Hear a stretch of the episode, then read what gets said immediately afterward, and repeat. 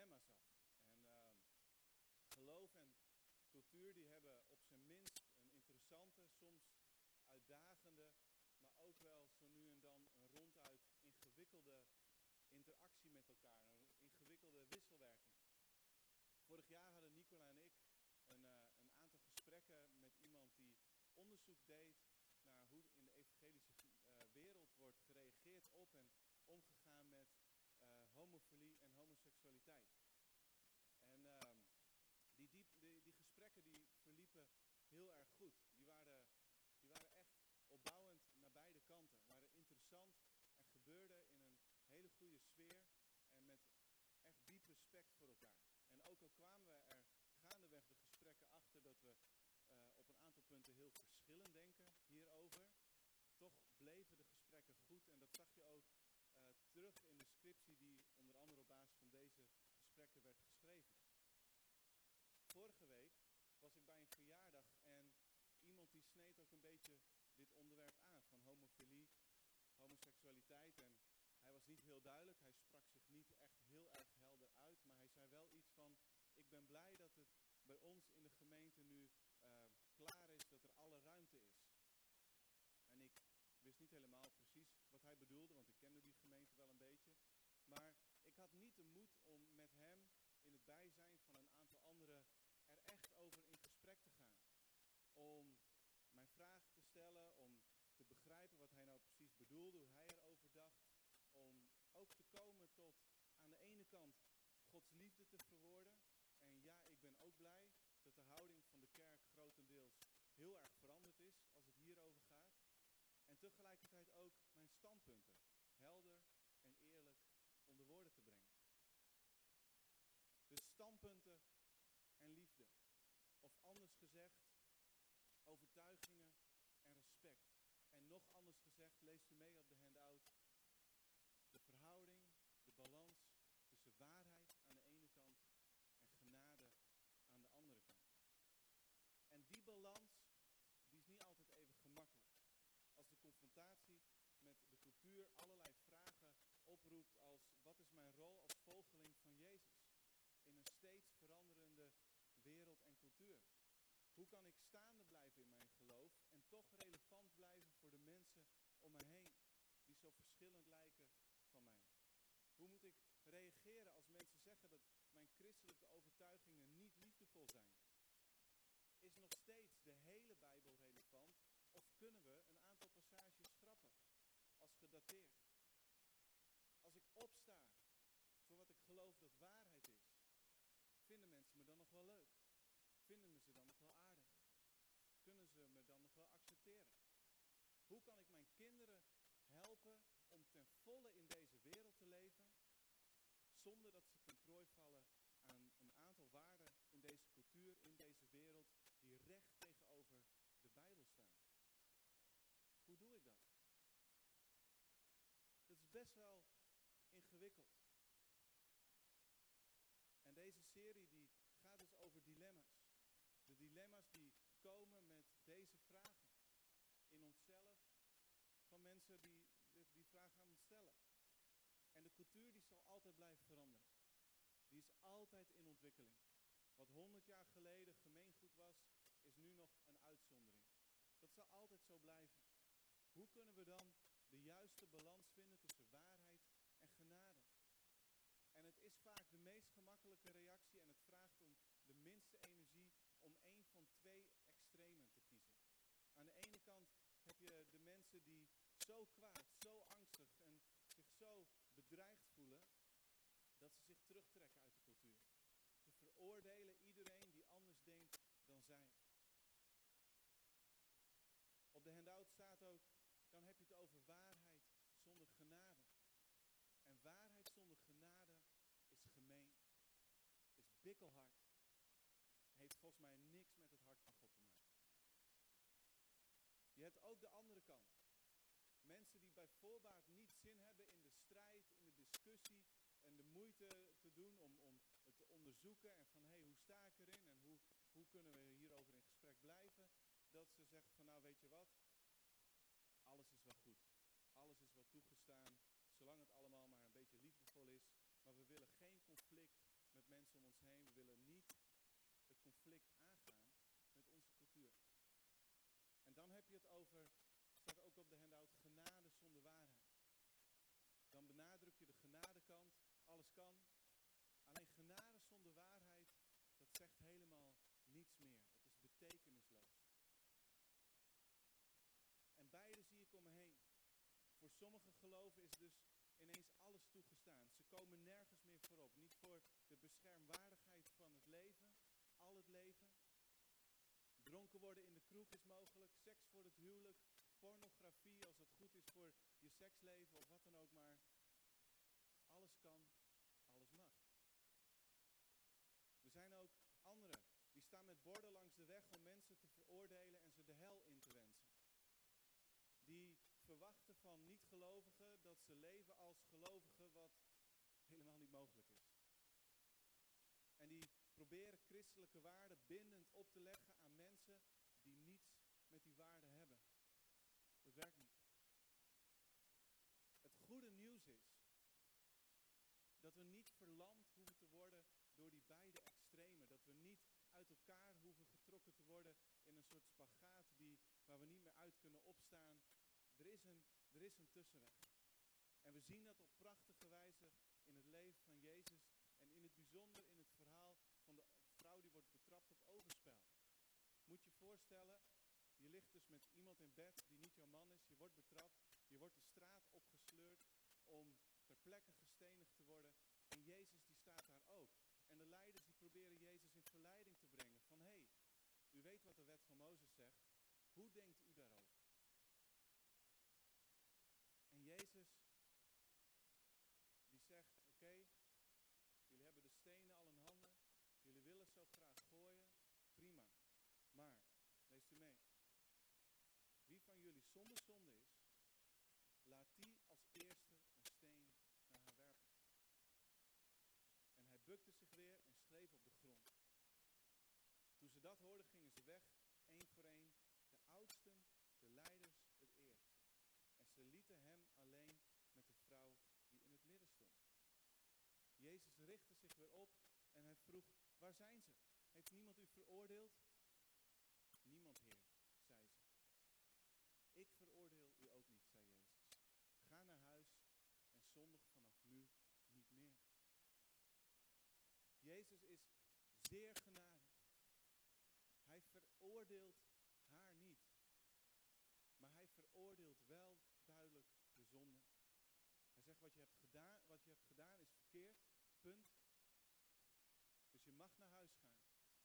Maar het komt wel met de oproep zondig vanaf nu niet meer. En dat is ook onze verantwoordelijkheid. Als we Jezus kennen als redder, als we Hem beleiden als Heer, dan is het onze verantwoordelijkheid om de waarheid van bijbelse normen en waarden in balans te brengen met de realiteit van Gods liefde, genade en acceptatie. En die levenswijze die zien we ook bij Daniel. Hij was waarschijnlijk pas 16 jaar toen hij werd weggevoerd in ballingschap en gevangenschap naar Babylonië. Ontheemd, ontrukt aan alles wat hem vertrouwd en dierbaar was. Juda was veroverd, Jeruzalem lag in puin, zelfs de prachtige tempel was helemaal kapot gemaakt, met de grond gelijk. En dan wordt hij weggevoerd naar een vreemd land en gebracht in het paleis van de koning om daar de koning te gaan dienen. En hij maakt keuze na keuze na keuze om trouw te zijn aan Gods woord, Gods wet. En hij spreekt zich keer op keer uit voor zijn geloof. Maar altijd op een genadige, respectvolle en liefdevolle wijze. Leest u mee en vult u in. We zien in het leven van Daniel dat standvastigheid en liefde leiden, resulteren in invloed. Standvastigheid en liefde resulteren in invloed.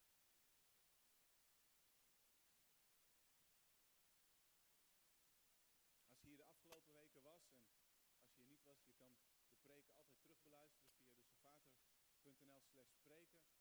Maar dan heb je meegekregen dat Daniel een hele bijzondere kerel was. Echt een, een bijzondere man. Hij kreeg te maken met een grote diversiteit aan culturen, grote levenswijze en waarden, met die van zichzelf en het volk van God. En hij verdroeg een enorme mate van immoraliteit en sluwe politieke spelletjes en corruptie van een cultuur die niet zo gek veel verschilt met die van ons. Hij bleef niet alleen standvastig toen zijn eigen volk verviel in zonde, wat de reden was dat ze werden weggevoerd in ballingschap, maar hij bleef ook standvastig in ja, een van de meest decadente culturen die de mensheid heeft gezien, de, de Babylonische cultuur.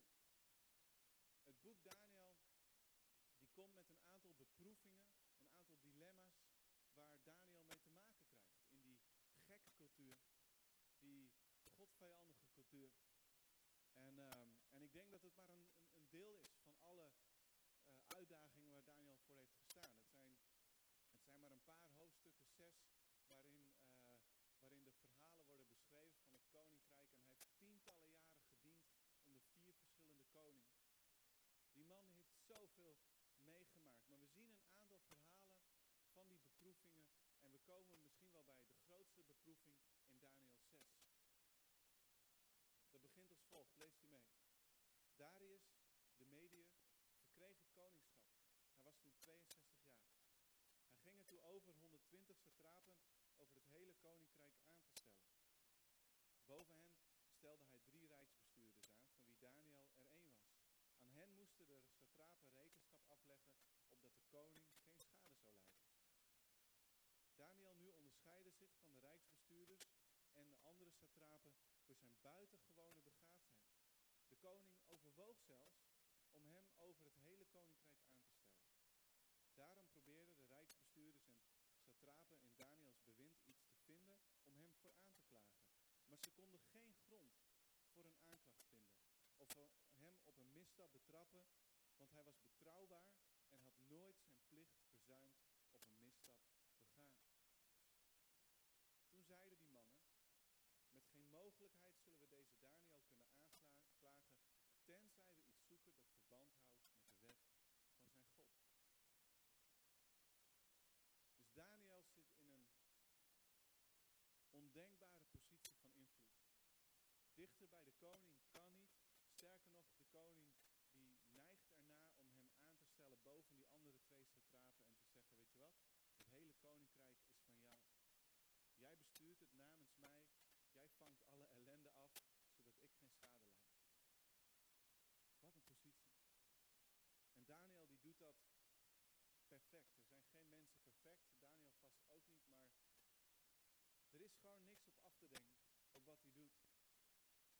Andere hoge leiders, maar ook die 120 rijksbestuurders, die kunnen het niet hebben dat die vreemdeling, want dat bleef Daniel toch altijd wel een beetje. Het was, het was, uh, hij, hij, hij, was, hij was daar uh, in ballingschap gekomen.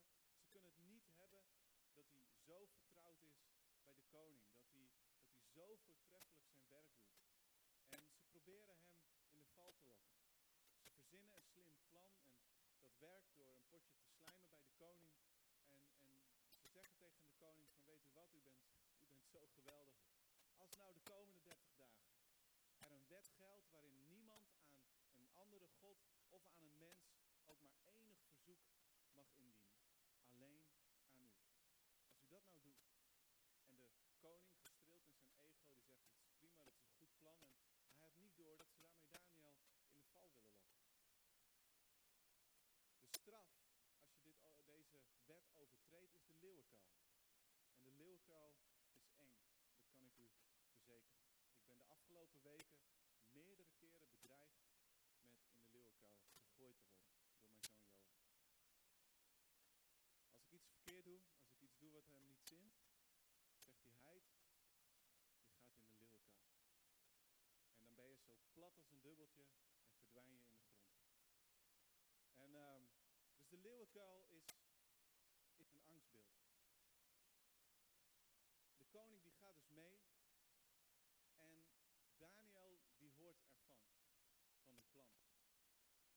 eerste wat hij doet, is hij gaat naar huis en hij aanbidt God. Hij bidt tot God, de God van wie hij hield, boven alles, boven zijn eigen leven. En ook wij krijgen te maken met een afnemende vrijheid om uit te spreken waar we voor staan. Nog niet grondwettelijk, niet wettelijk, maar de druk van de cultuur wordt steeds groter om niet te zeggen Hou het thuis. Hou het alsjeblieft voor je. De wereld wil steeds meer zeggen wat we wel en niet kunnen geloven, wel en niet kunnen doen, hoe we God moeten aanbidden en dienen. En onze situatie lijkt wat dat betreft behoorlijk op die van Daniel. En kunnen wij dan net zo moedig zijn als hij was?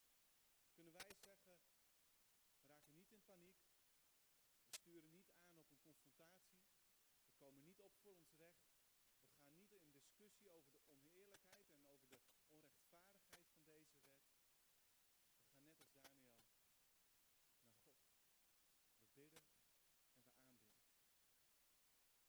En het verhaal eindigt, en veel mensen zullen het wel kennen, maar als je het niet kent, het verhaal eindigt ermee dat Daniel dus wordt betrapt, hij wordt in de leeuwenkuil gegooid en daar beschermt God hem. Hij sluit de muilen van de leeuwen en de volgende dag de koning die gek werd van bezorgdheid, die gaat naar de leeuwenkuil en die vraagt Daniel, heeft jouw God, die jij zo trouw dient, heeft die jou beschermd? En Daniel zegt, ja majesteit, leef in eeuwigheid, er is niks met mij aan de hand. Ik leef nog. God heeft mij bewaard voor de leeuw. En hij wordt uit de leeuwenkuil gehaald.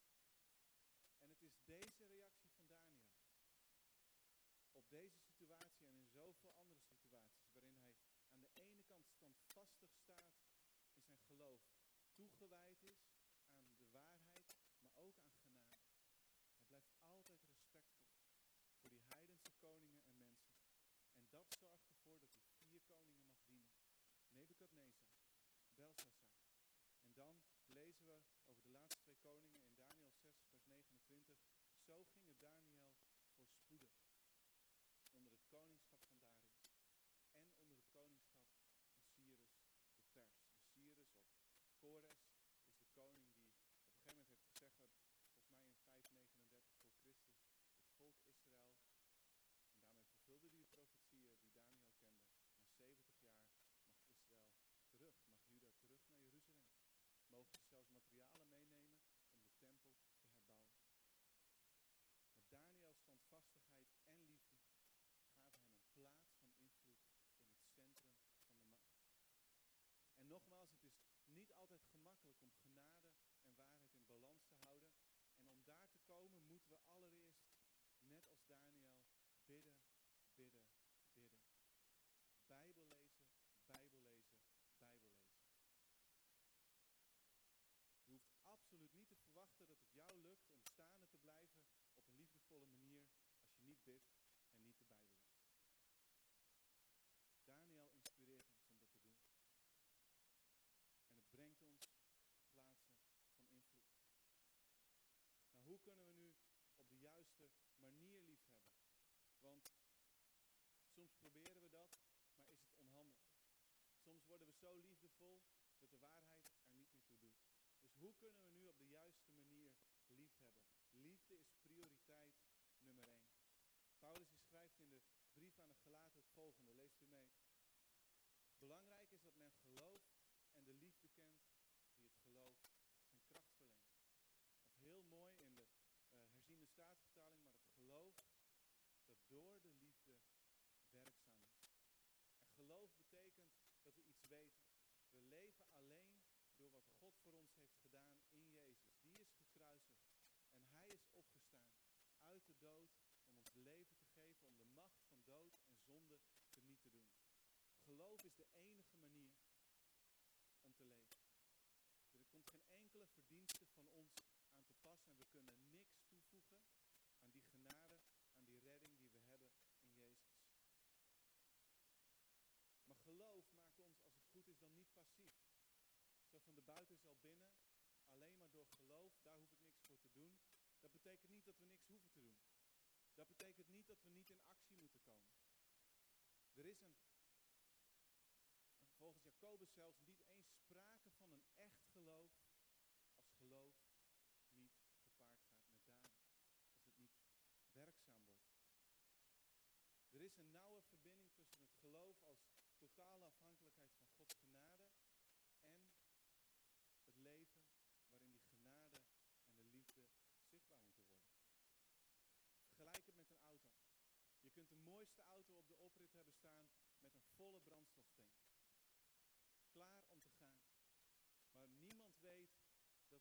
showmodel is, waar het alleen maar een mooie buitenkant is, totdat je zegt van hé, hey, ik trap ook het gaspedaal in om die auto in beweging te brengen.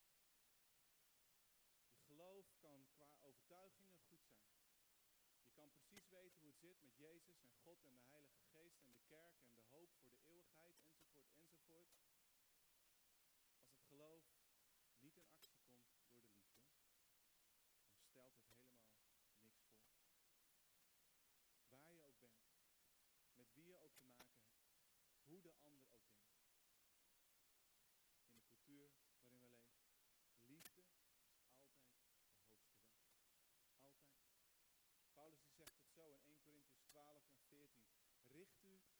hoogste gaven, maar eerst wijs ik u een weg die nog voortreffelijker is.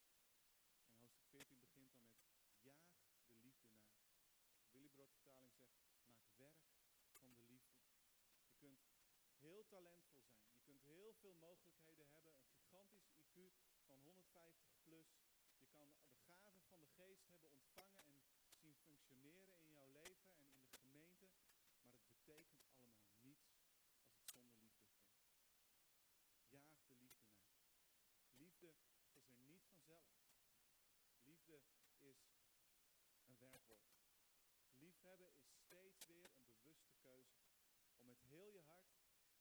ziel en met je verstand. Er is niet ruimte voor halfslachtigheid. Het gaspedaal in te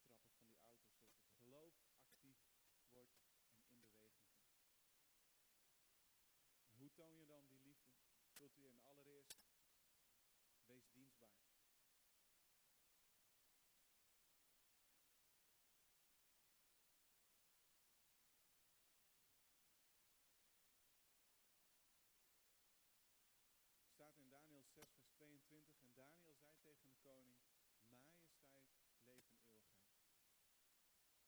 Zelfs vanuit de leeuwenkuil stelt Daniel zich dienstbaar op. Hij stelt zich passend op naar de gewoonte van die tijd om niet zomaar te zeggen koning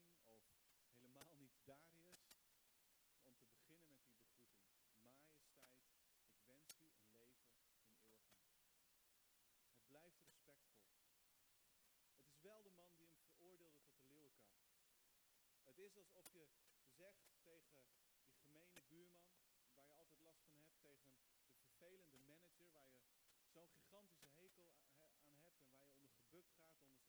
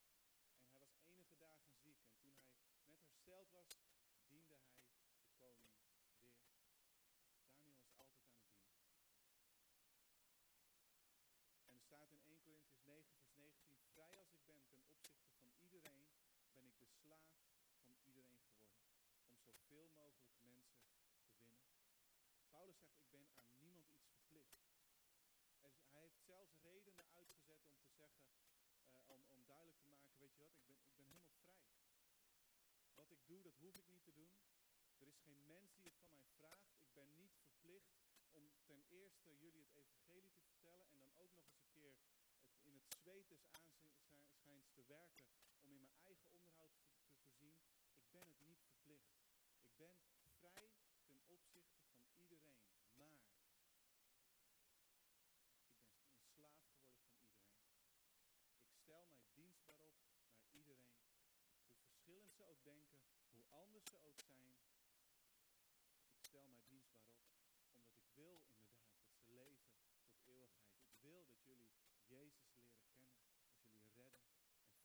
Ik wil dat jullie geloof in actie komt. Dat is zijn winst. Mensen behouden te zien worden. Dat is alles wat voor u gaat en waar u alles voor over heeft. Dus wees dienstbaar. Ten tweede, hoe kunnen we goed lief hebben? Wees een voorbeeld. Wees een voorbeeld. Hele bekende woorden, Matthäus 5, vers 16. Zo moet jullie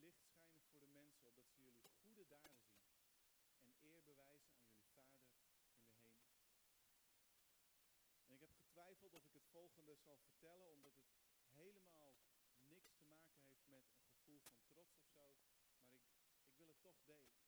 Het is een van de grootste complimenten die ik ooit in mijn leven heb gekregen. Het was tijdens een scoutingweekend. En uh, ik was geen leiding meer bij scouting. Ik was ook niet de persoon die ik citeer. Daar was ik ook niet leiding mee geweest. Maar we hadden wel zo nu en dan samengewerkt. En ze kwam naar me toe en ze zei: Ik jou altijd een van de meest inspirerende personen binnen scouting. En het had ermee te maken dat mijn houding, mijn opstelling naar leiders en de kinderen en de jongeren die we, die we een geweldige zaterdagmiddagen en kampen en droppingen enzovoort wilden geven, de houding naar hen, dat, dat maakte indruk. De woorden die ik in de loop der jaren had kunnen spreken in zondagse kampdienstjes en, en andere bezinningsmomenten, die hadden indruk weet dat ik lang niet altijd het perfecte voorbeeld ben. Ik kan zo een aantal fouten opnoemen dat ik denk, Jelmer, je hebt niet volledig laten zien waar jij voor staat. Maar toch koester ik dit compliment. En het vervult me niet met trots, maar het vervult me met motivatie om precies dit te doen. Om mensen op een goede manier lief te hebben door een voorbeeld proberen te zijn en te blijven. En ik zou willen, en ik daag jullie allemaal en ik daag mezelf uit, dat van ons hetzelfde gezegd kan worden als van Daniel. Met geen mogelijkheid zullen we deze, vul je eigen naam in, kunnen aanklagen. Tenzij we een gemeen spelletje gaan spelen. Maar met geen mogelijkheid. We kunnen niks vinden. Want deze persoon is altijd betrouwbaar. En als hij een fout maakt, geeft hij het toe. En zij is vergevingsgezind. En hij was buitengewoon geduldig met mij. En zij toonde altijd respect voor iedereen. En hij roddelde nooit mee in de kantine. En zij, noem maar op. Hoe mooi zou het zijn als we zulke voorbeelden kunnen worden. En ten derde, hoe kunnen we goed liefhebben? Wees openhartig.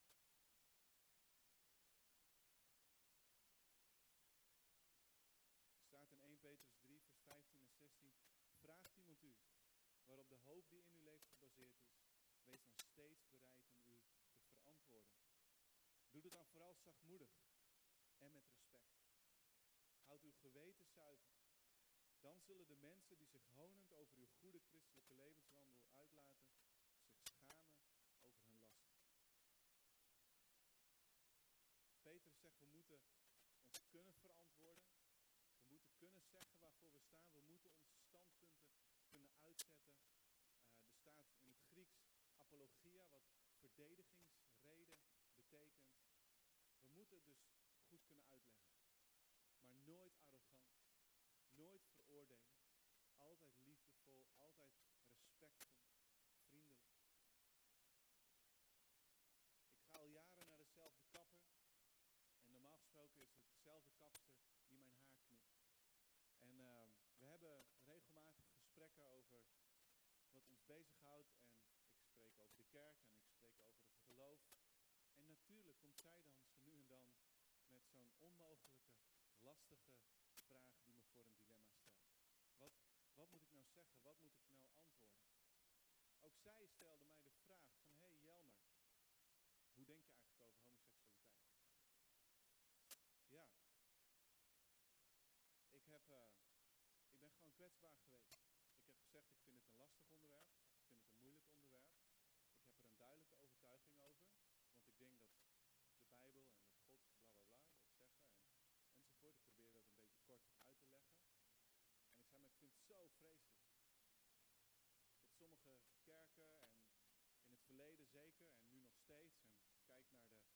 beelden die dan weer eens een keer bij, bij die ene kerk uit Amerika komen. Van God haat homo's enzovoort enzovoort.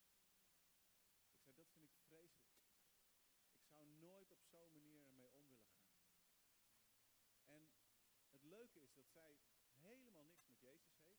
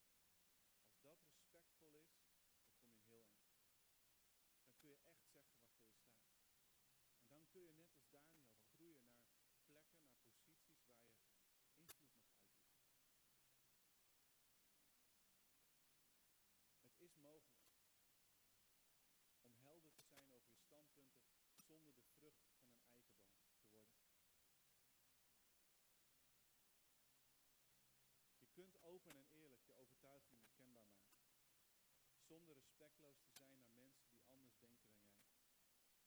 Je kunt staan voor de waarheid, ook als die niet cultureel populair is, en toch liefdevol. Alle mensen dienen. Voorbeeld zijn in hoe je leeft. En openhartig zeggen, weet je, Jezus die moet je echt leren kennen. Want daarin ligt mijn hoop, daarin ligt mijn zekerheid, daarin ligt het vertrouwen dat wat er ook gebeurt in mijn leven, dat er een vader is die van me houdt, dat er een toekomst is zonder tranen, zonder verdriet, zonder pijn, zonder ellende, zonder dood. Jezus is mijn hoop. En daar wil ik je over vertellen. En ik ben gerust bereid om proberen uit te leggen wat er allemaal bij komt kijken. En welke standpunten daar volgens mij bij horen.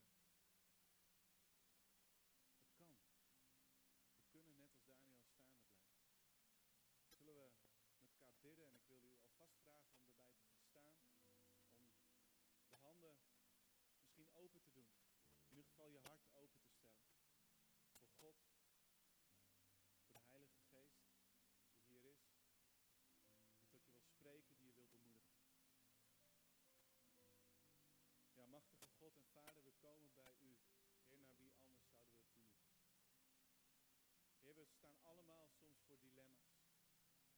We staan allemaal op momenten met de mond vol tanden.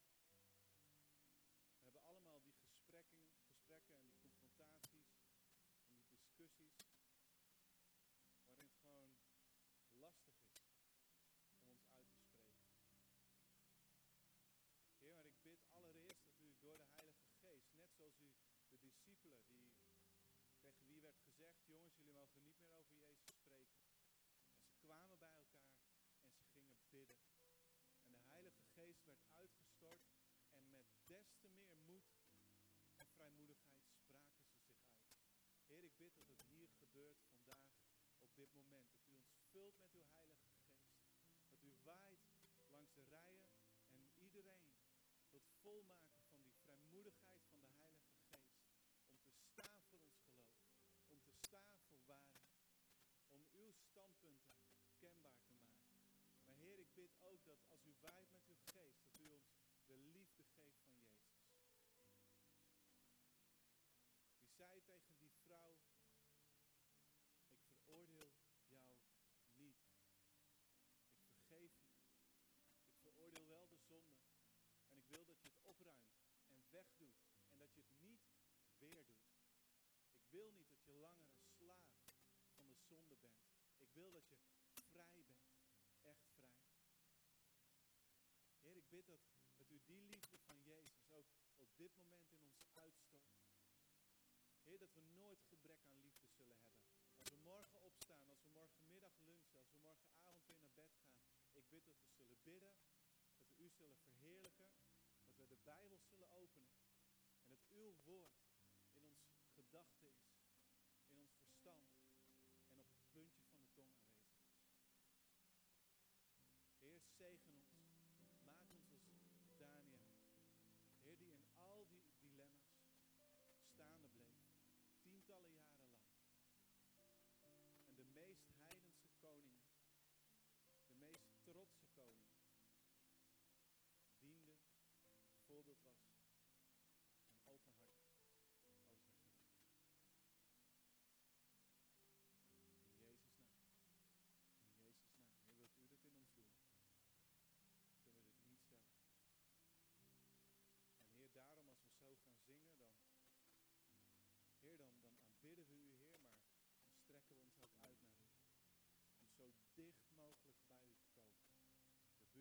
buurvrouw zijn niet belangrijk. De temperatuur is niet belangrijk.